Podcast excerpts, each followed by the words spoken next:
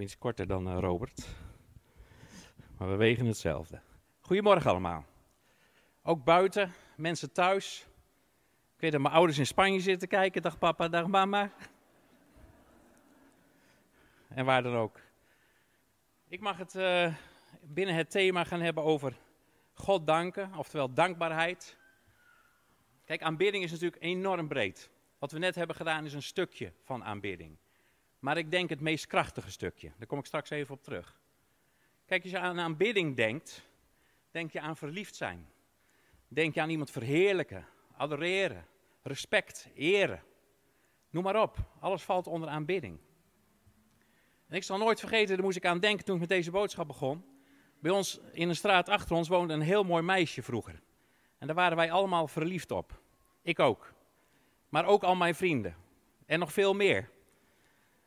En wat gebeurde er? Ik kreeg drie weken verkering met haar. Maar waar ik achter kwam, en dat, dat is het punt wat ik nu wil maken. Aanbidding gaat niet over jou, gaat soms ook niet over een persoon, maar gaat bijna altijd over God. En God is gemaakt om aanbeden te worden. Wij mensen zijn niet gemaakt om aanbeden te worden. Ik heb het wel eens meer gezegd. Dit meisje bleek vreselijk arrogant te zijn. Kon ze daar wat aan doen? Nee. Ze kreeg gewoon te veel aanbidding. En je ziet dat in de artiestenwereld, in de filmwereld. Popartiesten. Wat doen ze als ze enorm veel aanbidden, aanbeden worden? Ze gaan naar de drugs, aan de drank of ze maken een eind aan hun leven. En er zijn natuurlijk ook mensen die er wel beter mee om kunnen gaan. En voor mij is dat een eye-opener dat aanbidding niet bedoeld is voor de mens. Wij zijn aanbidders en aanbidding gaat altijd naar een ander. Dus aanbidding is ook nooit voor jezelf. Je krijgt er misschien een leuk gevoel van. Dat is ook heel goed. Maar het is voor die ander. Als je christen bent, is aanbidding voor God. En alle vormen van aanbidding heb je in feite van God gekregen. Ik geloof dat elke mens, christen, is, christen of niet, is gemaakt voor aanbidding. En daarom zie je dat ook in de wereld. Ik bedoel, we zitten nu weer in het voetballen. Ik bedoel, hoe idolaat en hoe vreemd kunnen mensen zich gedragen omdat ze aan aanbidden zijn. Ze adoreren hun, hun, hun club. Ga eens naar een popconcert. Als ik op een concert zit en er komt een gigantisch mooie solo, die ik net ook hoorde van deze ongelooflijk leuke band. Van zo'n solo kan ik helemaal volschieten. Nog geen eens zo, zozeer van teksten. Teksten vind ik heel mooi en die zeggen ook wat, maar muziek is een taal op zich. Muziek kan agressie, kan uh, vrede opwekken. Bij mij, als ik een, een enorm goede gitaarsolo hoor, ik hou van symfonische rock, hele mooie harmonische gitaarsolos, kan ik helemaal volschieten. En ik ga dan heel automatisch God aanbidden. Of ik in een werelds popconcert zit of niet, ik ga God groot maken. Ik ben bij concerten geweest van Marillion, ik stond met de arm omhoog God te prijzen voor de muziek. Want ik geloof dat muziek enkel van God is. De boos heeft gestolen en mensen gaan ermee aan de haal, omdat ze niet weten waar het vandaan komt. En daarom is muziek op zich een taal. De geest van de mens is er ook in verweven. En als mensen zo verbitterd zijn, teleurgesteld, gefrustreerd, en ze uiten dat in hun muziek, en wij luisteren daarnaar. En muziek is iets aparts, hè? het haalt je ergens weg en het brengt je ergens naartoe. Muziek gaat om jouw denken heen, want muziek is een taal rechtstreeks naar je ziel. Wat je ziel dan ook is. Naar je hart. Je denkt niet over muziek, je voelt het. Het komt binnen. Dat is ook gelijk de gevaarlijke kant van muziek, want je staat dus open voor het gedachtegoed van mensen die, eh, die niet altijd positief of dankbaar zijn. En ik denk dat heel veel mensen vallen voor dat soort muziek en daarin worden meegesleept. Ik had vroeger, luisterde ik ook naar foute muziek en ik werd daar echt down van. En mijn vader greep daar wel eens in in, van wat zit je nou weer voor rotzooi te luisteren. Maar dat vond ik van zijn muziek. Ik werd depressief van Fijke Asma en Jan Zwart op het kerkorgel. En zo zie je dat elke generatie heeft weer zijn eigen kleur wat muziek betreft. Ook in de, in de kerkgeschiedenis is zelfs muziek heel lang de kerk uit geweest. Dat had de boze toch maar even voor elkaar gekregen. Want ik kom zo even terug als muziek, als meest krachtige medium om God te danken en God te eren en te prijzen. En daarna werd het kerkorgel, dat vonden mensen toen mooi. En nu staat er gewoon een pop- of een rockband. En daar vinden oudere mensen ook wat van. En mijn ouders die nu zitten te luisteren, van 6 en 87, wat ik heel erg mooi vind en van ze respecteer, dat ze zijn meegegroeid en mee hebben durven te bewegen met deze muziek. En die kunnen genieten van een Frank die daar helemaal los zit te gaan op zijn drumstel. En er zijn ook heel veel oudere mensen die vinden dat maar helemaal niks. Dat begrijp ik ook wel, want soms krijg je er hoofdpijn van als je er een beetje dichtbij zit. Danken, God danken. Ik denk dat danken niet iets is wat vanzelf er is. Dat kan, als je gewoon een heel mooi cadeau krijgt, dan, dan heb je een oppervlakkige dankbaarheid. Maar dankbaarheid is iets waar je voor kiest. En in welke situatie je ook zit, en dat verschilt bij iedereen. De ene is ziek, de andere heeft net iemand verloren, de andere die heeft net een nieuw huis gekocht of heeft een geweldige tijd met God. Dus bij iedereen zal het anders zijn. Maar we kunnen allemaal het kleed dankbaarheid aantrekken als we geloven in het grootste offer wat ooit is gebracht, dat Jezus voor ons aan het kruis ging. Dat daardoor onze redding is. Dus wat er ook gebeurt in je leven, je hebt de eeuwigheid verkregen door ja te zeggen tegen het offer op het kruis.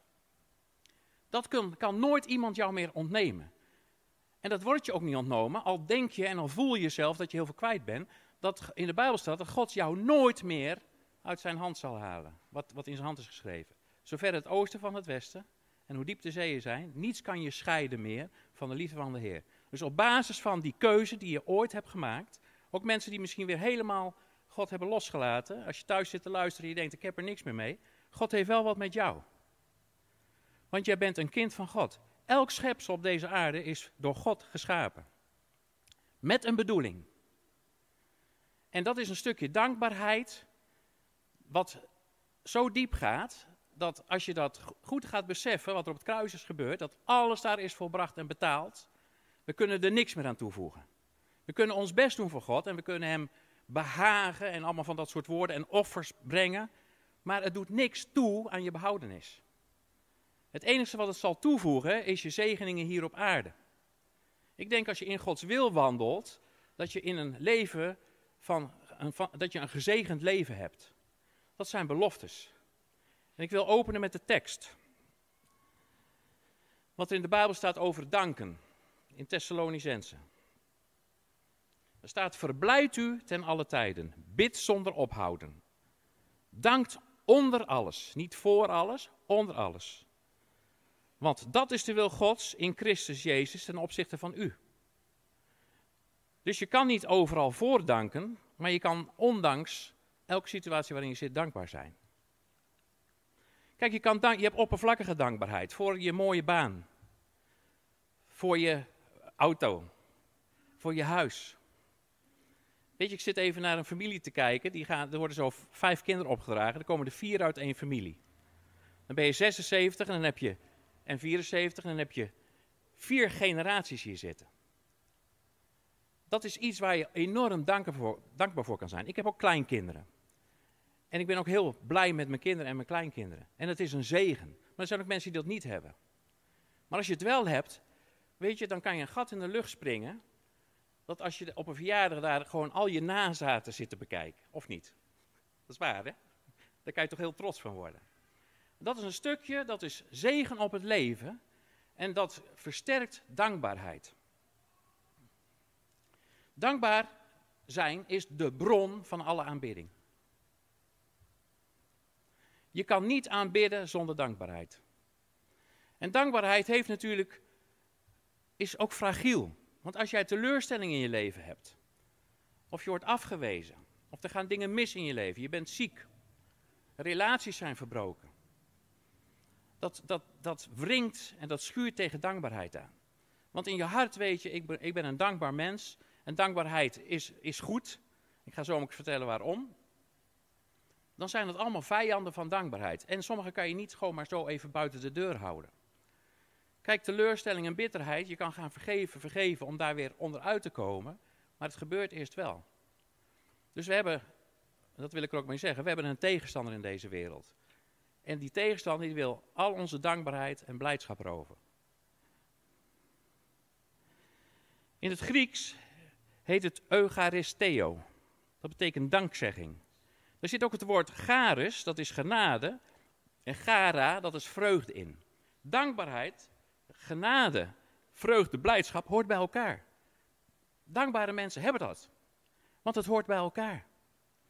Ik las gisteravond nog even, ik denk ik zal dankbaarheid intoetsen op Google. Ik kom bij een, een, een psychologische site. En daar hebben ze van alle dingen die een mens kan bezitten, is dankbaarheid het meest krachtige. Dit zegt de wereld. Want dankbare mensen hebben gelukkiger en langere relaties. Zijn gezonder en hebben meer zegeningen in hun leven dan anderen. En daar zijn ze zich ook van bewust. En er staat in de Bijbel: tel je zegeningen keer op keer. En waarom staat dat er? Om jou dankbaar te houden. Omdat dankbaar iets vrijzet, dus ook in je natuurlijke lichaam, zet dankbaarheid iets vrij. Want je, wordt, je bent dus gezonder. Dat wil niet zeggen als je ziek bent dat je niet dankbaar bent. Dat zeg ik ook niet. Ik zeg alleen wat de psychologie dus heeft ontdekt. Dat mensen die enorm dankbaar zijn, al deze dingen zullen volgen. Maar de Bijbel zegt het ook, daar ga ik straks mee afsluiten. Dus dankbaar als basis van je leven. Weet je, laat het je nooit roven. En ga gewoon kijken, wat heb ik in mijn leven om dankbaar voor te zijn? Kijk, ik heb nog een tekst. Jezus gaat op een gegeven moment krijgt te horen dat Lazarus, de broer van Maria, de Maria die zijn voeten zalfde, is ziek en hij heeft gewoon even geen tijd. en Lazarus overlijdt en dan gaat Jezus er naartoe. Ik zeg het even gauw op mijn, eigen, op mijn eigen woorden. Ik zal het ook even voorlezen. En Jezus sloeg de ogen opwaarts en zeide: Vader, ik dank u dat u mij verhoord hebt. Toen was Lazarus lag nog dood in het graf. En Jezus dankte alvast voor de verhoring. En dat is een principe. Soms mogen wij danken voor dingen die er nog niet zijn. En dat zijn hele moeilijke dingen. Kijk, als ik uh, hier een praatje moet houden, ben ik hartstikke zenuwachtig, altijd. Maar ik ga al van tevoren danken dat Jezus mij kracht geeft en mij rust geeft om hier normaal te kunnen staan. En het gebeurt altijd weer. Dus dat is geen trucje, dat is een weten. Want door zeg maar alvast te gaan danken voor iets wat er nog niet is, en je krijgt de ervaring dat het dan gaat komen, dat geeft je kracht en dat geeft je geloof. Dat bouwt je geloof. Dankbaar zijn voor je overheid in deze tijd. Weet je, hoeveel kritiek is er niet op de overheid? En hoeveel achterdocht en paranoia? En toch zegt God dat we dankbaar mogen zijn voor een ieder. Sterker nog, bid voor je vijanden. Mocht je de overheid of wie dan ook als vijand zien, bid er maar voor. In plaats van erover te praten. Dus dank voor je overheid. Dank voor je vrouw die gij mij gegeven heeft. Vrouwen, dank voor je man. Dank voor je kinderen. En alles in jouw leven draagt ertoe bij dat jouw karakter geschaafd wordt. Dus soms zit je in lastige relaties. Soms heb je spanningen met je kinderen of met je baas of met je vrienden. Maar bedenk dit: God gebruikt alles ten goede om jouw karakter te schaven. En ik zou je vertellen, als jij een dankbaar mens bent, heb jij vaak ook een heel vriendelijk karakter. Want dat hoort bij dankbaarheid. En dan ben je ook een blij mens, want dat hoort bij dankbaarheid. Heb je genade, dat hoort bij dankbaarheid. Ik bid elke dag, en dan ben ik serieus, wel een keer, Heer, geef mij meer genade. Als ik iets moeilijk vind, of ik word in een situatie getrokken waarvan ik denk, wat gebeurt hier? Dan bid ik gelijk voor genade. Want genade is om niet verkregen. Dus als wij genade hebben verkregen, mogen we dat ook om niet aan anderen schenken. Hoe dan ook, in welke situatie ook. Genade staat altijd bovenaan. Je recht halen staat helemaal onderaan. Want het gaat niet om jou en het gaat ook niet om je recht. Wij Nederlanders zijn mensen van onze rechten en plichten. Dat kan ook niet anders met zo'n bureaucratisch land, met zoveel regeltjes. Dat we daar constant mee bezig zijn en op worden geattendeerd. Dat we rechten hebben en plichten hebben. Maar Jezus zegt, wees ook anders niks schuldig dan elkaar lief te hebben. Dat is je enige plicht. En je recht is om dankbaar te zijn. En alles werkt ten goede voor jezelf. Want omdat jij een dankbaar mens bent en daardoor je gezegend wordt door God de Vader, want het is een principe. Hetzelfde principe van eer je ouders en er zullen dagen aan je leven worden toegevoegd. Het zijn principes die ik niet bedenk, maar ze staan in de Bijbel en ze werken. En dat God door geslachten heen werkt, familie de Snow, dat, dat God door geslachten heen werkt, is ook heel duidelijk. En dat is ook van God. En, en, en opa en oma hebben daar heel veel invloed op gehad, maar het is van God. En jullie hebben dat mogen doorgeven en hun zullen dat ook weer doorgeven. En daar, daarom spreekt de Bijbel ook van volkeren en geslachten. Er ligt soms op volkeren en geslachten ligt iets van God wat bedoeld is voor dat geslacht. Dat had je al bij de Levieten in de, aanbieding, in de aanbidding. En dat zijn allemaal redenen waarop je dankbaar kan zijn.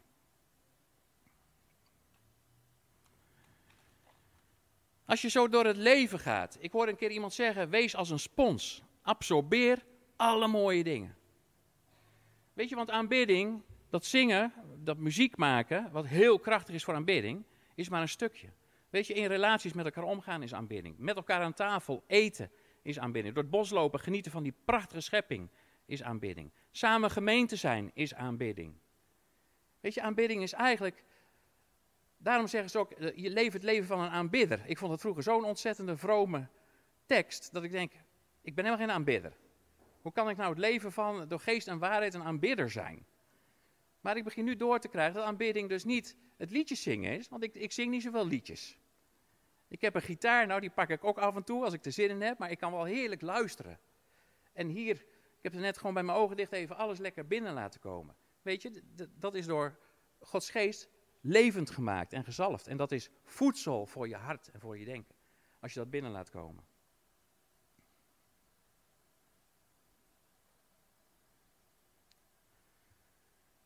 Dus van elkaar genieten is dus ook aanbidding.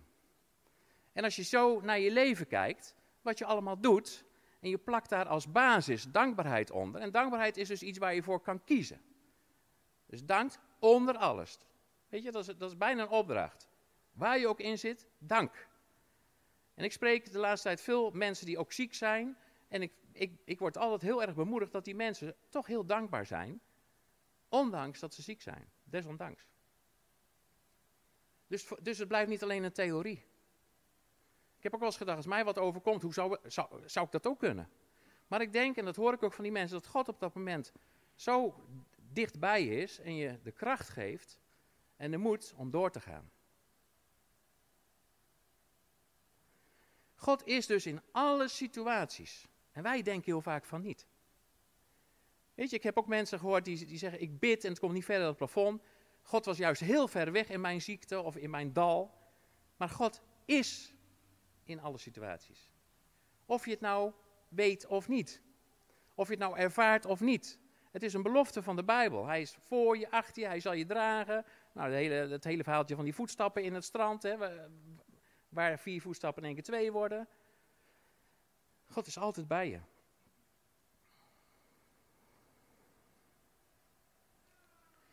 Wat is nou de vijand van een dankbaar leven? Nou, waar ik net al even aan, aan tipte, kritiek hebben. Weet je, en, en het is bijna heel normaal dat je als Nederlander een kritisch mens bent. Maar wat een onzin. En positieve kritiek, ik vind het onzin. Jij mag ervan vinden wat je wil, maar kritisch, kritisch rooft dankbaarheid. Natuurlijk gebeuren er dingen waar ik het niet mee eens ben. Ik bedoel, ik ga niet als een hondje overal achteraan. En ik heb mijn eigen ideeën over dingen. Maar om kritisch te worden en mensen onderuit te halen, terwijl ik nog geen eens weet waarom ze bepaalde dingen doen, waarom ze besluiten nemen. Dat meisje achter de kassa die de mond niet los doet tegen je. Misschien is de verkering wel net uit of is ze de opa net verloren. Weet jij dat? Dus wij moeten alleen maar lief hebben. Wij moeten alleen maar vriendelijk zijn. Wij moeten alleen maar een dankbaar leven leiden. Zorgen. Met die tekst ga ik zo afsluiten geen zorgen maken. Dat is makkelijk gezegd. Maar het is wel een principe van God. Want Jezus is niet voor nop aan het kruis gegaan om daar alles te dragen. Waarom halen wij zoveel weer bij het kruis weg en willen we dat zelf oplossen? Waarom willen wij ons leven zo graag controleren en daar alle spanning en stress en zorgen van hebben? Want ik denk dat stress op dit moment doodsoorzaak nummer één is. Stress. Stress. En we trekken het zo makkelijk naar ons toe. We willen ons soms zo graag met alles en nog wat bemoeien en overal wat van vinden en dat dan ook nog zeggen tegen elkaar. Weet je, je mag overal wat van vinden, maar hou het gewoon lekker voor je. Totdat iemand je erom vraagt. Dat klinkt, misschien heel bot, maar het is wel zo. Want als ik tv zit te kijken, of nou een politieke discussie of wat dan ook, het lijkt wel, hoe beter, hoe meer er gekeken wordt, hoe meer ik me ervoor schaam. Dat mensen elkaar de oren wassen. Dat ik wel eens denk, joh, zo ga je toch niet met elkaar om, zo praat je toch niet met elkaar. En dan weet ik dat, denk ik, vanuit mijn christelijke levensovertuiging. Maar heel veel christenen doen er ook aan mee. Weet je, we hoeven, de we hoeven ons recht niet te zoeken. God is de rechter, niet wij.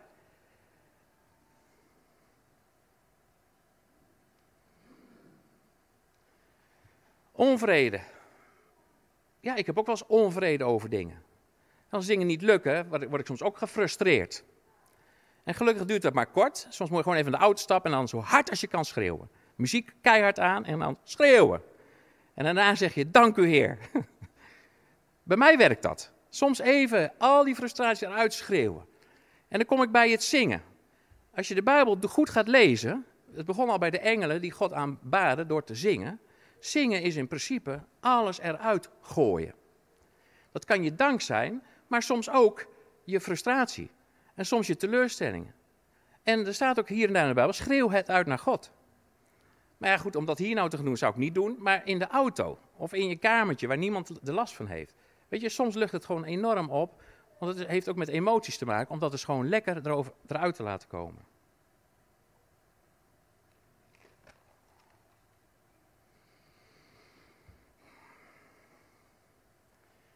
Tel je zegeningen, keer op keer. En dan staat er, en, dat is een liedje, en vergeet er geen. Weet je, soms denk je, de ander wordt veel meer gezegend dan ik. En wat zegt de Bijbel dan? Wees blij met de blijden. Wees blij met degene die het goed gaat. Dus als een ander enorm wordt gezegend, ga ervan meegenieten.